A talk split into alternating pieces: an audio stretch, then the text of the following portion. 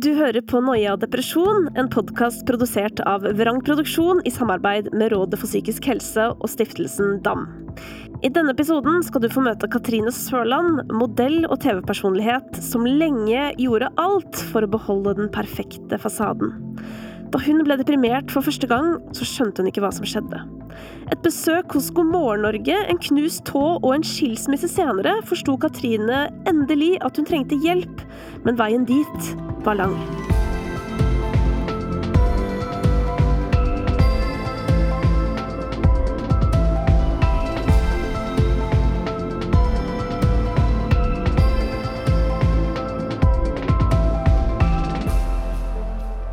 Men øh, velkommen skal du være.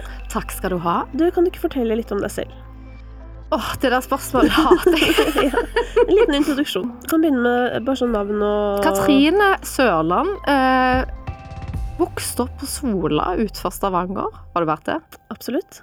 Veldig koselig. Mm. Mm. Lukter bondegård. um, uh, trygg og fin oppvekst og ja Uh, Flittig student på skolen. Grei og snill for det meste. Spilte håndball og eh, hadde masse fine venninner. Eh, kort fortalt. Eh, Kjeda meg kanskje lite grann. Studerte til barnevernspedagog fordi bestevenninnen min hadde så lyst til det, så jeg ble med henne på det. Et veldig interessant studium, men så plutselig så fikk jeg en mulighet i Oslo om å være med i Frøken Norge. Og det kunne ikke en 21-åring si nei til fra Sola, så jeg hoppa på. Vant, og skjønte at det var Oslo var liksom plutselig blitt litt min by. Så etter hvert så traff jeg en mann, og eh, gifte oss og fikk barn, og ja, flytta fra Oslo by ut på landet, eller til Asker, da. um, så jeg bor eh, i en eh, nydelig leilighet eh, på Nesøya i Asker, sammen med min sønn Leon på tolv år. Ja, Så du har en sønn på tolv år, ja? Ja, tenk det. Ja, shit. Det Jeg vet. skulle man ikke tro. Shit. Åh. Men um, hvorfor er du her i dag, Katrine? Du, eh, vi fikk en utrolig hyggelig invitasjon eh, av deg, Kristine, eh, som jeg syns var veldig, veldig kjekk. Eh, og fordi at eh, Temaet som eh, kanskje du har tenkt å snakke om, er veldig, kan du si, sitter godt i meg, da, som et sånt eh, en viktig milepæl i livet som jeg ikke kan kaste vekk ennå. Eh, som jeg har gjerne lyst til å gi til andre. Mm. Eh, så ja, Hvorfor, derfor. hvorfor tenker du at det er um, At du har lyst til å på en måte dele det med andre? Eh, jeg tror at eh, når man går gjennom eh, Alle går gjennom eh, ulike ting i livet, både godt og vondt. Når man går gjennom mye, en del vondt, da, så og kjenner at man får det bedre, så har man lært seg noe på veien, og jeg har så lyst til å lære vekk det til andre, for det å sitte oppi en eksempel depresjon eller angst eller begge deler, det føles så endelig, og det føles så håpløst og for evig. Eh, Det er det ikke. Katrine sin historie med depresjon starter åtte år etter at hun har vunnet Frøken Norge. Hun driver sin egen brudesalong og har blitt et kjent TV-fjes for de fleste. Hun og mannen har vært gift i et par år, og de er enige om at nå passer det å få deres første barn. Men da sønnen Leon blir født, blir ikke ting helt sånn Katrine hadde sett for seg. Hun forteller om dag to på fødestuen. Der lå jeg og bare grein, husker jeg. Eh, hadde jeg visst da at dette var bare sånn, du vet, barseltårer, så hadde jeg jo kanskje grene med god samvittighet, men jeg bare tenkte hvorfor i all verden griner? Jeg skal jo være lykkelig nå. Hallo, alle sier jeg skal være lykkelig. Eh, men det ga seg liksom ikke. Etter tre-fire dager da vi begynte å liksom skulle ta Leon hjem, da, så satt jeg i baksetet på bilen og tenkte, tenkte bare hva i all verden har jeg gjort? Her sitter jeg med en kid. Hvem er du, liksom? Så ser jeg bort på Leon som ligger bare der og kikker. Og jeg bare Jeg har ikke lyst til å dra hjem, kjenner jeg. Jeg har ikke lyst til å dra hjem. Jeg har ikke lyst til å liksom komme inn i stua uh, en gang. Eh, så, og det, sånne følelser bare fortsatte og vedvarte. Vi kom hjem, og alle sånne ting som Jeg, jeg husker jeg hadde bestilt meg en ny bil, da, og den sto nede i garasjen i typ sånn ei uke før jeg gikk ned og gadd å se på den, liksom. Det er ikke meg, for jeg er veldig, veldig interessert i biler. um, og, og altså, jeg følte ikke jeg fikk til noe.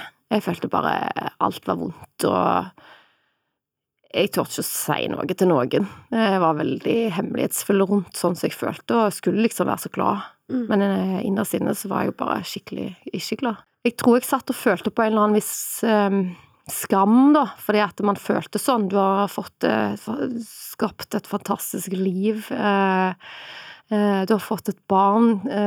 liksom urkvinnen med hvor var den, liksom?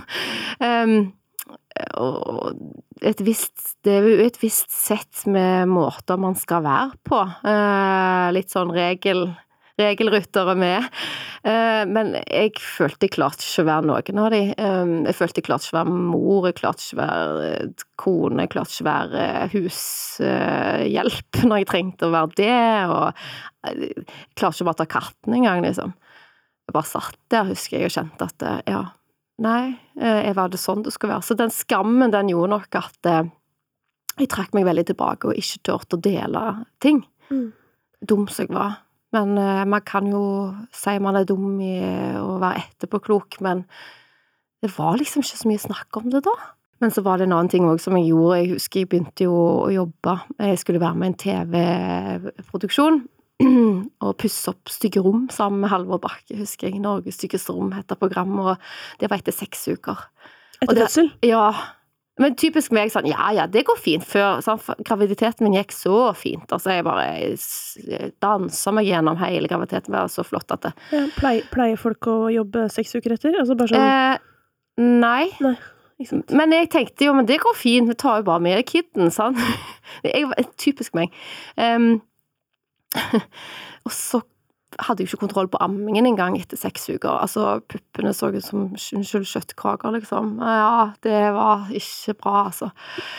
Og jeg kunne jo nesten ikke gå eh, av visse ting som skjer under fødsel, så jeg ikke skal snakke veldig hardt, men jeg bare sier det rett ut. Altså, fy faen. Anyways. ja. Um, så når det er sagt, så skal du liksom da liksom kle på deg, sminke deg, eh, du vet, eh, pumpe ut eh, alt i puppene og bare 'Hello, nå skal jeg pusse opp ditt eh, stygge rom'. Altså, det siste jeg ville. Jeg husker jeg ringte til kanalen og spurte om jeg kunne være så snill å få utsettelse, men de var nei, nei, men det kan du ikke. Um, så jeg måtte bare ta med den ungen, og jeg hadde Det var fire måneder med blodslit. Og det skjønner jeg jo. Det er en grunn til at man skal være hjemme med den ungen og bli kjent med den, istedenfor at man skal ut i TV-oppdrag eller jobb. Vi er heldige i Norge som får den muligheten, og jeg burde jo ha tatt den, jeg òg. Ja. Når var det du Altså, var det noe som skjedde som gjorde at du tenkte sånn Nå må jeg gjøre noe med denne situasjonen? Uh, nei, vet du, jeg, jeg, jeg tror ikke jeg var klar over at jeg hadde en eller annen fødselsdepresjon. Det tror jeg ikke jeg var klar over i det hele tatt. Så jeg, eh, jeg gikk bare videre og sulla i min egen verden og tenkte kanskje at uh, dette er mitt nye liv nå, deal with it. Jeg husker jeg tenkte bare sånn 18 år, 18 år, 18 år, 18 år, skal jeg ha det sånn i 18 år? Og jeg bare, det var kanskje en av de mest deprimerende tankene, for liksom, skal jeg ha det sånn? Husker jeg var på eh, fest med venninner sånn ganske rett etterpå, litt sånn krampaktig. Jeg skal dra på seg eh, kjolen og se ut som en pølseskinn. Samme faen, jeg skulle bare Og ut Og jeg satt liksom og bare, du vet Du føler du har sånn dotter i ørene, og så sitter du og hører på venninnene dine snakke om ting som du absolutt ikke interesserer deg for lenger. Om ikke interesserer deg, men du føler du kan ikke delta i det lenger, for du har jo en kid du må hjem til, og du må jo amme, og du må passe på at uh, han har det bra, du kan ikke dusje når du vil, gå på do når du vil, altså. Frister det å få kid nå, eller? Unnskyld. jeg bare tenker at nei, men det er jo liksom um, det jeg har tenkt på, jeg har jo også på en måte vært eh, Eller vet jo selvfølgelig om ja. eh, folk som har opplevd å ha fødselsdepresjon. Ja og som heldigvis har visst at det har vært det, da. Ja.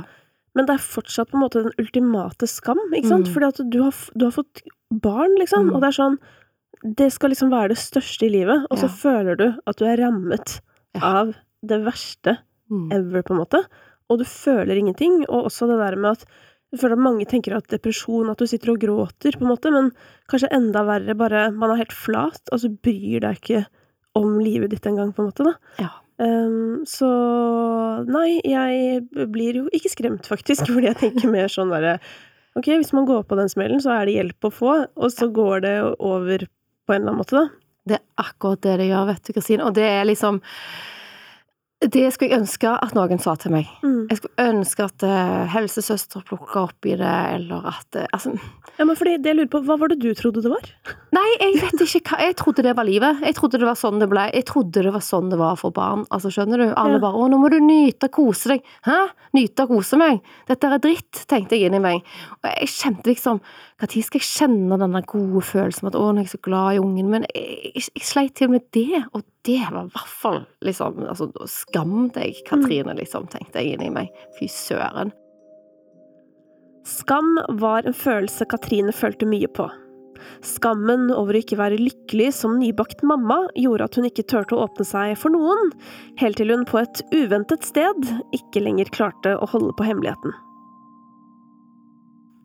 Det var interessant, for da ble jeg inn, eh, invitert til å komme på God morgen og snakke om det, liksom det å ha barn og småbarnsmamma. og eh, Hvordan var det, og sånn. Og så husker jeg liksom Typisk meg, tar på meg tøffe tryner og bare Ja, det går kjempefint, og ingen problem, og haha, jobber, og ja, ja.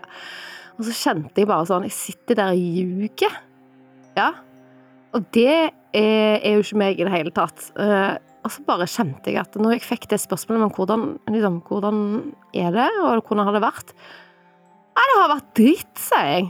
Bare sånn, Det bare detter ut av meg. Nei, det er skikkelig dritt mange ganger. Nei, fy fader, jeg syns det er så vanskelig. Og det var første gang jeg liksom bare satte ord på, på TV. Ja. Da skjønte jeg jo at eh, det var noe som foregikk, kanskje. Mm, først da. Det er utrolig at jeg skal finne det ut på den måten, og kanskje av meg sjøl, av et helt vanlig enkelt spørsmål, men eh, det var veldig mange andre som svarte. Som jeg, jeg fikk en fantastisk respons da, jeg tror det var liksom den responsen som gjorde at liksom jeg kjente at herregud, jeg er ikke alene! Jeg er ikke alene! Jeg er liksom, eh, her er jeg sammen med andre som har det sånn som meg, og da føltes ikke den skammen så stor plutselig. Men kan du huske på en måte når du så på Leon, og når du på en måte begynte å kjenne på de mammafølelsene, og at de var gode? Ja, det husker jeg, og det husker jeg. Altså, det er ikke en spesifikk eh, opplevelse, men jeg husker bare at eh, Jeg husker bare at eh, Altså, den dagen jeg våkna opp og visste at jeg ikke skulle ha noen ting på tapeten annet enn bare å være mamma, da. Eh, kanskje gå og handle litt. Jeg husker den der tiden jeg kjente at jeg hadde til han. Eh, akkurat som han så på meg på en annen måte. Akkurat som han bare sa liksom Takk, mamma, det var på tide. Endelig kom du liksom hjem. Akkurat som vi fikk en sånn connection, begge to. Vi lå på stellebord, og jeg husker liksom, jeg husker ikke akkurat når eller hvordan, men jeg husker vi hadde en sånn øyekontakt, og så var det bare så skjønn. Og så bare kjente jeg bare sånn Det bare velta opp og ned og rundt omkring av sånn følelser som jeg aldri før har kjent på. Og så etter det så bare Ja, så, så var det noe som skjedde, altså. Mm. Mhm. Katrines fødselsdepresjon gikk gradvis over, og hun fortsatte å leve livet på høygir som engasjert mamma og en karriere med mange prosjekter. Det gikk bra lenge, før det begynte å gå veldig dårlig. Altså, det har skjedd mye gjennom livet mitt, egentlig, som jeg ikke har deala så mye med. Eh, vi kan sitte her og snakke i tre uker hvis jeg skal fortelle alt, men eh, det har skjedd mye, og så kom det Sant, du blir godt voksen, og livet skal liksom bare nå bare flyte videre, og så blir jeg separert, og liksom det der vondt brudd eh, Blir alene, eh, Leon halvparten av tiden, kjenner på veldig dårlig samvittighet på grunn av at jeg har gjort dette her mot Leon, da. Det var skikkelig vond følelse, eh, og Altså, livet går videre, og jeg husker i begynnelsen så var det veldig sånn euforisk. Ja, yes! Nå skal jeg klare i kraft av meg sjøl, og bare oh, det er, dette går så fint, det her. Og bare var veldig positiv, nesten litt sånn ute av meg sjøl. Nesten litt sånn kald for mine egne egentlig følelser som jeg burde ha deala med, men bare kjørte på.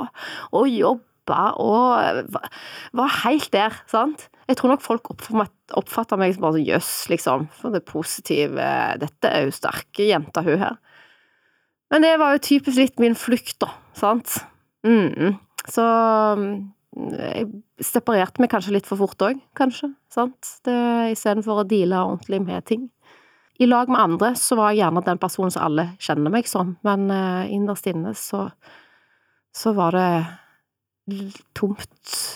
Begynte å bli tommere og tommere, helt til slutt en dag så bare sa det nesten stopp, altså. Hvordan da? Hva skjedde? Ikke noe spesifikt, bare det at jeg følte jeg sto med én fot At jeg følte jeg sto i spagaten i livet mitt. Hvor vil jeg? Hva, hva skal jeg gjøre? Eh, Eh, hvor hører jeg hjemme? Hva Hvorfor føler jeg sånn? Altså, alt på en gang. Så bare ble jeg liggende i senga, egentlig, eh, og der lå jeg eh, i flere måneder, faktisk, gjennom hele fjor sommer. Og jeg, altså, jeg lå Altså, når jeg mener lå i senga, så hadde jeg dager der jeg lå i senga når folk ringte bare 'Nei, nei, jeg har vært på jobb', sånn. Og så bare, jeg bare løy, sånn. Um, og lå i den senga og bare Altså, jeg tror ikke jeg dusja, jeg, på mange dager. Jeg skifta ikke sokk, jeg gjorde ikke truser engang, altså. Jeg kødder ikke. Det er galt, altså. Da, da har du Da har du klikka, altså. Jeg husker jeg syntes det var skummelt å gå ut på kjøkkenet eller på, i stua, fordi at da var det noe kanskje som minna meg om et eller annet jeg burde gjort, eller eh, som jeg ikke hadde rukket, eller en eller annen jobb, eller ja, I don't know. Men eh, altså, hvordan eh, Når du da er i den tilstanden, da, hvor du faktisk ikke fungerer mm. eh, helt, hvordan påvirka det Altså, hvordan merka sønnen din det, for eksempel? Du hadde jo han å ta ansvar for. Ja, altså når jeg hadde han, så klarte jeg å finne et eller annet gir som gjorde at jeg liksom Du vet, når han kom hjem fra skolen, så hadde jeg bare passa på at fem minutter før så hadde jeg stått opp. Du vet, børsta håret litt, i hvert fall, og tatt på meg en ren joggedress. um, det gjorde jeg faktisk. Uh, og jeg hadde jo tider, uh, uker, der jeg liksom fungerte som normalt òg. Altså, det var ikke hver eneste dag. Det, det, jo, det, det, det, går jo ikke. Man må jo på en måte leve, man må jobbe. Og, men det føltes sånn uh, inni min, mitt sinn og min kropp, og jeg tror Leon kanskje kjente litt på det, men typisk meg igjen, så skal jeg være sånn strålende mamma, og bare idet han kom inn døra 'hallo!' Sånn. Og sånn var jeg veldig, egentlig, de to åra eh, etter vi gikk fra hverandre. Men ble det Kjente du ekstra på det der behovet for å være sterk mamma etter at dere ble separert? Ekstremt behov for å kjenne at jeg skulle være sterk mamma, sånn helt. Og gjerne sånn sterk generelt overalt. Eh, på jobb på Altså, merkelig nok. Men spesielt det å være mamma, det, da skulle jeg være så Jeg skulle vel være supermammaen som jeg aldri før hadde vært supermamma, så skulle jeg fader meg være det nå. Mm. Altså, jeg får nesten sånn der, men det er kanskje litt på grunn av bakgrunnen din også, ja. da, men du har, eh, siden du på en måte er eh, et menneske som har vært veldig mye flott på TV, hvis du skjønner, så mm. får jeg sånn der bilde av sånn amerikansk serie hvor alt er i oppløsning, du vet, men moren bare sånn herre Nei, det går kjempefint, ja, ja. og bare baker de beste kakene, og bare er sånn derre supermom, og bare hver gang man lukker døra, så bare er det full on krise, liksom. Ja, akkurat sånn. Altså, jeg husker, jeg husker en dag jeg, Det var i fjor sommer. Jeg satte meg ut på terrassen, og så satte jeg meg ut og tenkte nå skal jeg kose meg, gjerne med en kopp te, og Livet var litt kaos inni hodet mitt, men nå skal jeg kose meg med en kopp te, og jeg hadde jo fantastiske folk rundt meg, så det var liksom ikke problem. Hallo, ja. Men så satt jeg for meg sjøl, så plutselig bare kjente jeg at liksom hjertet og halsen det snurpa seg sånn. Og du vet, du fikk liksom ikke puste ordentlig inn og ut. Altså, du klarte liksom ikke å ta et ordentlig åndedrag og puste ut og kjenne at liksom hele kroppen var med på det. Det er bare sånn Hæ, skjedde nå? Eh, og, og tankene mine bare gikk ad undas overalt. Der så det var vondt å tenke på, der tenkte jeg. Det, alt det tenkte jeg på. Så flykta jeg. Og det jeg gjorde, istedenfor å gå inn i den uroen og kjenne på den og gjerne legge meg ved siden av den, eh, så, så flykta jeg. Flukten går igjen i Katrines historie med depresjon. Hard jobbing, et ekstra vinglass, binging av Netflix-serier. Alt for å unngå å bli konfrontert med seg selv. Etter å ha kommet hjem fra innspilling av Farmen kjendis i 2018, knuser Katrine stortåa i en ulykke og får skrevet ut de sterkt vanedannende, smertestillende Oxynorm. Åh, ja. Jeg kjenner bare sånn, for sånn angst. Bare snakker om det. Det det sitter ved, det kjennes veldig nært ennå. Men eh, ja, de tok jeg jo fordi jeg hadde vondt. Og så gikk jo, kom jo høsten, og eh, det gikk som det gikk mellom meg og Andreas. Og så begynte jeg å ta de selv om jeg ikke hadde så vondt fysisk. For det, jeg kjente jo virkningen av de, og de gjorde meg jo til en fantastisk versjon. Mm. Ja, hva gjorde de med deg? Nei, jeg ble jo, jeg ble jo den jeg ville være. Ja. Hvem var det? Det var, det var hun på dop, liksom. Hun på sterke, altså oksynorm. Forferdelig skumle. Ikke ta alle sammen. Ikke rør de, med mindre dere må. Um, jeg blei den versjonen av meg sjøl som jeg ville være. Jeg blei strålende, blid, veldig kjærlig og fin og flott og eh, supermamma. Ja, ja. Eh, selv om jeg ikke gjorde det så veldig mye når jeg hadde Leon, så kunne jeg kjenne Eller jeg gjorde det ikke en eneste gang mens jeg hadde Leon, faktisk, men jeg kunne kjenne den følelsen, at jeg kjente meg som en sånn supermamma for det. Jeg bare handla og fiksa, vaska, ja, gikk på skoleavslutning. Syntes det var skummelt å gjøre det.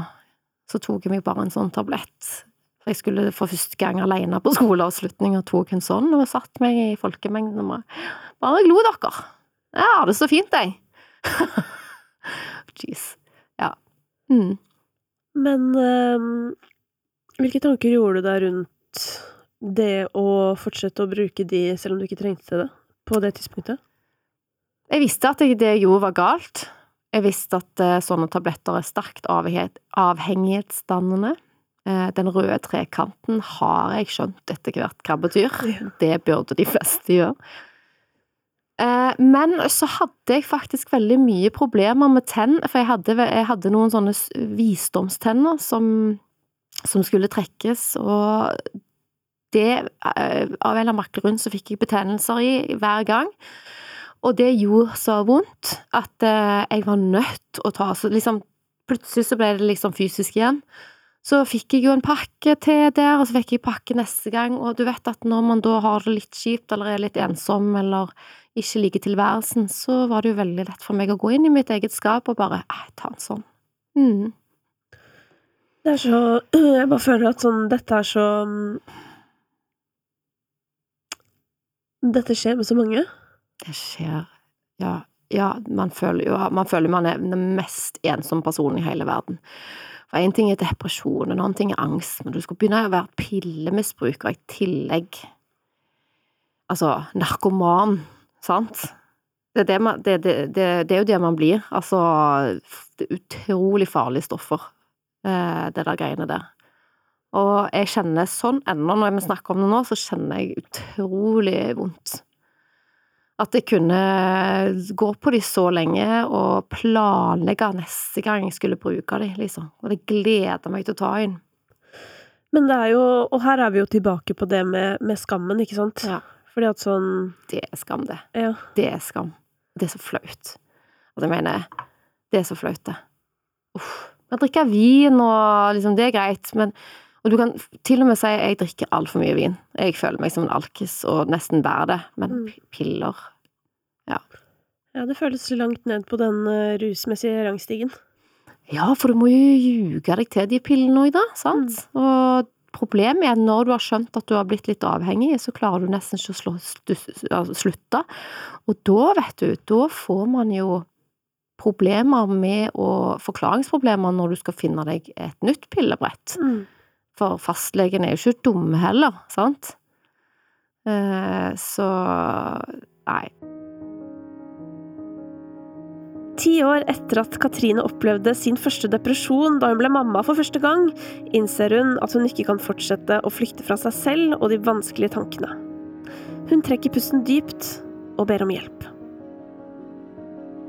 Jeg gikk til psykolog Jeg ringte til psykolog, og det var midt på sommeren, så selvfølgelig alle var jo på ferie. Jeg var helt desperat. Jeg ringte psykolog og mm, fikk komme inn heldigvis til ei skjønn dame. Og der har jeg gått siden. Jeg begynte på antidepressiva. Mm. Det har funka veldig fint for meg, selv om jeg er sånn veldig antipiller for å bli bedre på ting, men eh, i den verste angsten så har det hjulpet. Um, og slutta å ta piller. Mm. Sånne farlige piller. Turte du å fortelle det til psykologen? Yes. Og hun har jobba med rus òg, så det var liksom Ja, så liksom Når jeg sa det, så følte jeg på sånn Jeg har tatt piller! Sånn. Ja. Men, men hun bare Ja, ja, du har det, ja. Ja, men det er det mange som har. Altså, skjønner du, hun bare, liksom, bare Ja, men hallo, du er jo ikke alene her, slapp av. Og det var litt deilig. Og det, det, det unner jeg folk som har det sånn, å kjenne på denne følelsen, men du, du er ikke alene. Ingen alene. Mm. Um, så jeg fikk jo veldig plutselig fort, fort litt sånn ok, ok, I'm not so not normal, og dette skal jeg klare. Uh, men jeg, jeg kan ikke ha pillebrett hjemme. Uh, og jeg håper ikke folk som jeg kjenner har det heller, fordi da har jeg veldig lyst til å stjele en. Så det ennå ligger sånn, du vet, sånn tørrlagt alkoholiker. Ja. Men det er litt det der du forteller om sånn Jeg husker jeg også eh, til slutt kvinnet meg opp og turte å fortelle psykologen min at jeg hadde noen sånn rare tanker om min relasjon på hjemmebane. Eh, og det hadde jo plaget meg i flere måneder, og hadde jo holdt på å kaste ut samboeren min ukentlig, på en måte. Helt til psykologen min bare sånn derre Ja, du har sånn relasjonelle tvangstanker? Eller jeg bare Hæ? Har jeg det? Og han bare sånn Ja, Mm. det har folk, liksom. Og jeg bare sånn What?! Herregud, du vet sånn der Jeg har trodd at jeg skal få samlivsbrudd, eh, og at jeg er helt psycho, og så er det bare sånn Å ja, det er en ting. Mm. Eh, og den handler kanskje mer om at du aldri kommer til å få et samlivsbrudd, enn at det er det som kommer til å skje. Eller du vet sånn der, Det er det som er det deilige med å, å fortelle det spesielt til folk som har peiling, da. Og, og spesielt med ting som er veldig tabubelagt, som jo også tvangstanker er. At du bare får Og du blir møtt med sånn Ja, var det noe, var det noe mer, liksom? Eller?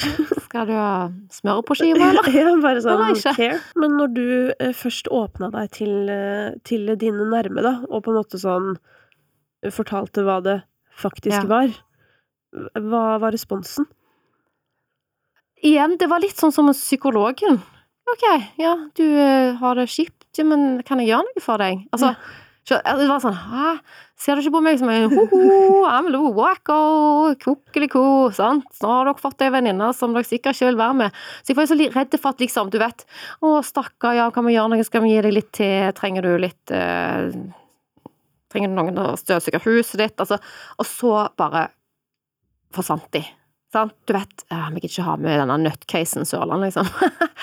Men det var jo ikke sånn. Alle blei, og alle sto på. Så det var rørende og fint og flott, eh, selv om jeg skjønte at den tyngste veien, den måtte jeg gå sjøl. Mm. Og det høres veldig sånn å ut, men det er så sant. Mm. Men nå har du jo eh, fått en helt ny mengde liksom, kunnskap om tilstanden som jo depresjon er. Det er jo en tilstand som kan komme og gå, Ja. og den kan jo komme tilbake. Mm. Men den kan også forebygges. Yes. Så hva er det du på en måte har lært som du tenker at kan eh, hjelpe til med å forebygge det for din del, da? Mm. Man er jo alltid redd for sånn tilbakefall. Jeg tror alle som har vært igjennom det, kjenner bare å shit, der vil jeg ikke igjen. Ja, og spesielt fordi at du kjenner jo tankemønstrene, og du vet jo hvor fort gjort det er. Altså, jeg føler sånn depresjon er en fucking snik, liksom. Fordi Mm. Den, den bare begynner, og så bare får du et par dårlige Mm. dager på rad, og så har du plutselig glemt å følge med, hvis du skjønner, og så bare er den der. Helt og, Jeg vet ikke om du kjenner det, men jeg kjenner altså Jeg kan kjenne noen ganger at shit, nå vil jeg bare ligge i senga. Shit, nå kjenner jeg på de følelsene igjen. Å nei, å nei. Altså, de får litt sånn panikk. Ehm, jeg tror man skal være flinke til å på en måte skjønne at sånne følelser vil være Altså, det er en del av livet, å kjenne at man ikke er like på hver dag, og det er lov. Men uh, igjen, det der vedvarende, det der liksom dag nummer to Altså, det skal ikke mye til, for jeg i hvert fall. Jeg vet ikke med deg, men for jeg kjenner at det Å, å, sant? Ja, og så begynner du, og så blir du oppmerksom bare 'Å Yes. nei, har jeg det litt rart inni meg nå?' 'Oi, nei, nå begynte det å verke litt her', og så Mm. har du det Ja, sånn er det jo med, Ja. med angsten for min del òg. Som en sånn sykehypokonder, det Ja. vil jeg ikke være. Eh, men sant, man kjenner jo litt på den, og jeg tror at det Hvorfor, hvordan skal det forebygge Altså, jeg tror i hvert fall at eh, ved å være eh, åpen eh, til de rundt deg, eh, så vet de mye mer om deg og kan hjelpe deg på en helt annen måte. Mm. Eh, slutt å være supermann, mann, liksom, eller Mm. superkvinnen. Det er ikke noe, det er ikke noe som Det, det fins ikke. Eh, så slutt å hige etter det. Alle er med det uansett, på vår måte. Så mm, tør å be om hjelp igjen. Det, det høres så banalt ut, og veldig sånn Tør å be om hjelp. Det har man liksom Men det er Jeg kan ikke få sagt det nok. Men har du Er det ting du liksom har innført i livet ditt nå som du gjør for å på en måte sørge for at du er mer i vater? Ja, jeg har jo litt sånne oppgaver som jeg har fått, da. Eh, litt sånn det der å være snill med seg sjøl. Eh, det å være mer egoistisk, for eksempel. Og det høres jo forferdelig ut. Herregud, hva er det vi hører på nå, tenker folk. Det har vært mitt problem, at jeg får så vondt av andre rundt. Jeg får så mye dårlig samvittighet at eh, det går utover min egen, kan du si, svakhet, da, sant? sånn at eh, jeg får ikke ting gjort. Så nå lærer jeg meg å bli mer egoistisk. Jeg lærer meg å få mer struktur på livet, for det er jo ofte det man mangler når man er inne i en sånn depressiv eh, periode, at man mangler helt struktur. Det der med trening, det å få liksom eh, våkne opp til samme tid hver morgen, det å liksom skrive ned eh, Og det har jeg fått lekser om, det syns jeg er veldig vanskelig. Jeg skal skrive ned hver gang jeg har gjort en bra ting, eller hver gang jeg syns jeg har vært flink til noe. Jeg gikk jo mange dager og skrev ikke ned en dritt, for jeg synes, Altså, det er skam. Bare kjente en skam. Jeg har vært flink og god og handle i dag. Eller jeg har vært flink og vaske kattekassen. Altså mm. Men jo, man skal det. Og jeg kjenner jo mer du gjør det, jo mer eh, Ja, ok, jeg har ikke vært så galen i dag, sant? Man må liksom minne seg på sjøl at eh, Så flink du var i dag. Istedenfor bare gå og kjefte på eh, seg sjøl, og det var jo det jeg gjorde veldig mye av. Hva skulle du Altså, når du ser tilbake nå, hva skulle du ønske du visste, som du vet nå, for liksom 15 år siden? Å, hjelpes meg. Mm. Ah. Ja, jeg vet ikke, egentlig så skulle jeg ikke ønske at jeg visste noen ting, og takk og lov for at jeg ikke gjorde det, for da tror jeg jeg hadde prøvd å tatt veldig mange omveier for å ikke komme der jeg var nå. Jeg har hatt det nå i det siste, men jeg skulle nok Jeg skulle ønske at jeg visste at jeg kunne Ja, at jeg kunne tørre å, å være 100 meg sjøl, da. Mm. På godt og vondt.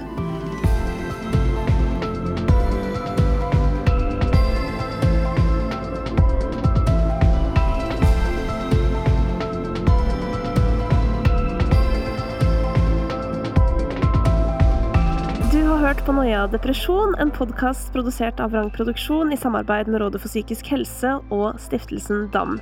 Det ligger veldig mange flere episoder der denne kom fra, og husk at hvis du har tilbakemeldinger til oss, besøk oss gjerne på noiapodkast.no.